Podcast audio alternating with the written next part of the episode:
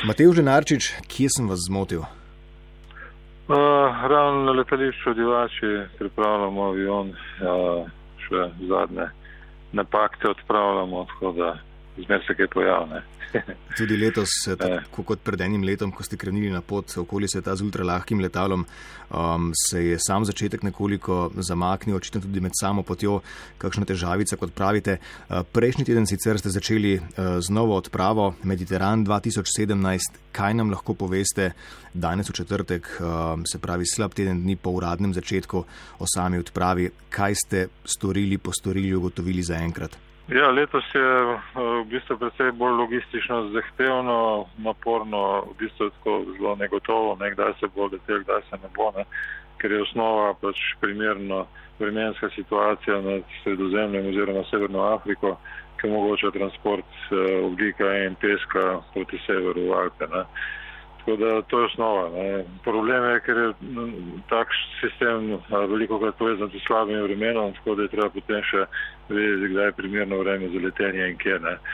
Pa so pa še dovoljenja, ne, ki veljajo ponovadi dva, pa tri dni maksimalno ne, in je treba v bistvu takrat, ko se zadeva začne odvijati, zelo hitro reagirati. Ne. Tako da letos smo štartali, se je pojavila prva situacija takšna, ki jo je napovedal uh, Andrej Velika vrh že kakšen teden prej. Eh, nad eh, zahodnim sredozemljem, eh, tako da smo to originalni plan mogli malo prilagoditi.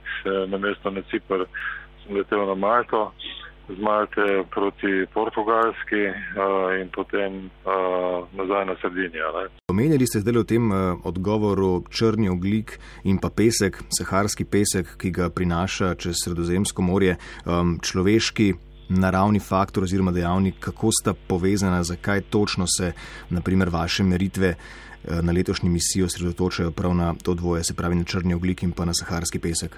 Dejstvo je, da na klimatske spremembe ne vpliva samo človek, vplivajo tudi eh, naravni pojavi, kot so vulkani, požari naravi, eh, vetrovi, ki dvigujejo pesek in ga prenašajo na druge konce na sveta. Tako da tašen, to je fajn, odličen substrat za tiste ljudi, ki dvomijo v klimatske spremembe, prav, da je itak ne samo naravni cikl. Ne. V bistvu ne vemo točno, koliko je česa, ne. Uh, sigurno je ta antropogeni del zelo pomemben.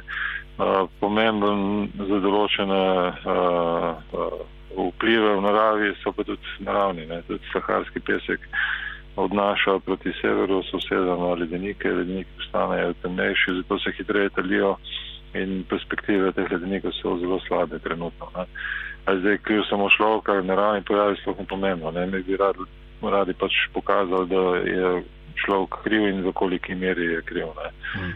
In koliki meri je pa ta naravni prispevek, uh, ki ga pač narava sama producira, uh, pomemben ne, v tej stvari. Hmm. Uh, Mateoš, pred enim letom ste se odpravili na tisto pot okoli sveta, dolgo približno 42 tisoč km. Tudi tam ste merili seveda uh, koncentracijo črnega uh, oglika, vrednosti črnega oglika v ozračju. Kaj naprimer bi rekli, se je v tem enem letu od prejšnje pa do zdajšnje misije spremenilo? Zaradi naprimer tudi vaše mogoče prejšnje odprave. Se je kaj, se je dovolj, se je premalo, vas je vse to spreminjanje, ne spreminjanje spodbudilo na novo misijo? Kakšen je pač vaš pogled na to leto, um, ki je minilo od takrat pa do zdaj? No, če neš drugega, se veliko govori o črnem ogliku, kar se prej ni. Mm. To je osnova za uh, zavedanje uh, širše množice ljudi o tem problemu. Ne. Naprimer, kurjenje lesa ne je vedno bil v Sloveniji kot uh, čisti energent, ne, smatran. No, mi smo dokazali, da je to precej drugačne, ja, ker pač les ni prav skurjen. Če je skurjen v slabih pečeh, pod slabimi pogoji, z slabim lesom, ne, potem je izredno hod nesnaževalc. Če je skurjen prav, pod določenimi pogoji, v kvalitetni peči, ne, pa lahko čist, ne, relativno čist. Ne. Tako da v tem se je začel govoriti. Ne. Tudi tam, kjer živim, na primer, v Slovenski dolini, vsi kurijo na les, ker je lesa veliko. Ne in je zrak v, v, v vseh, ne tam tisti vasi, ki je živim slabši kot Ljubljana zjutraj. No.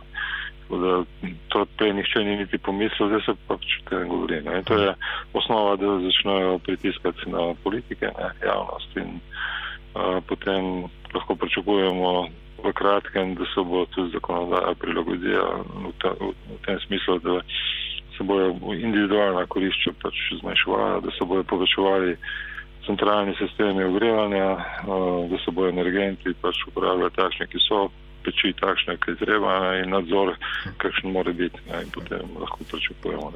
Poleg tega pa seveda tudi promet. Ne, promet je relativno velik faktor tudi pri teh v črnem ogliku. In zavedanje pa zelo pomaga. Ne. Če ljubljani pač bodo pritiskali župana, se bo kaj zgodilo, če bomo vsi zadovoljni s tem, kot je, ne. pač ne bo nič. Hvala za tale prvi pogovor, ki so ga lahko slišali poslušalci na valu 202, povezan seveda z letošnjo odpravo Mediteran 2017. Se slišimo prihodnji teden, do takrat pa seveda veliko sreče z vremenom, varne lete in pa čim več koristnih informacij, zbranih podatkov želim. Ja, hvala lepa in srečno tudi vam. Srečno, Mateo.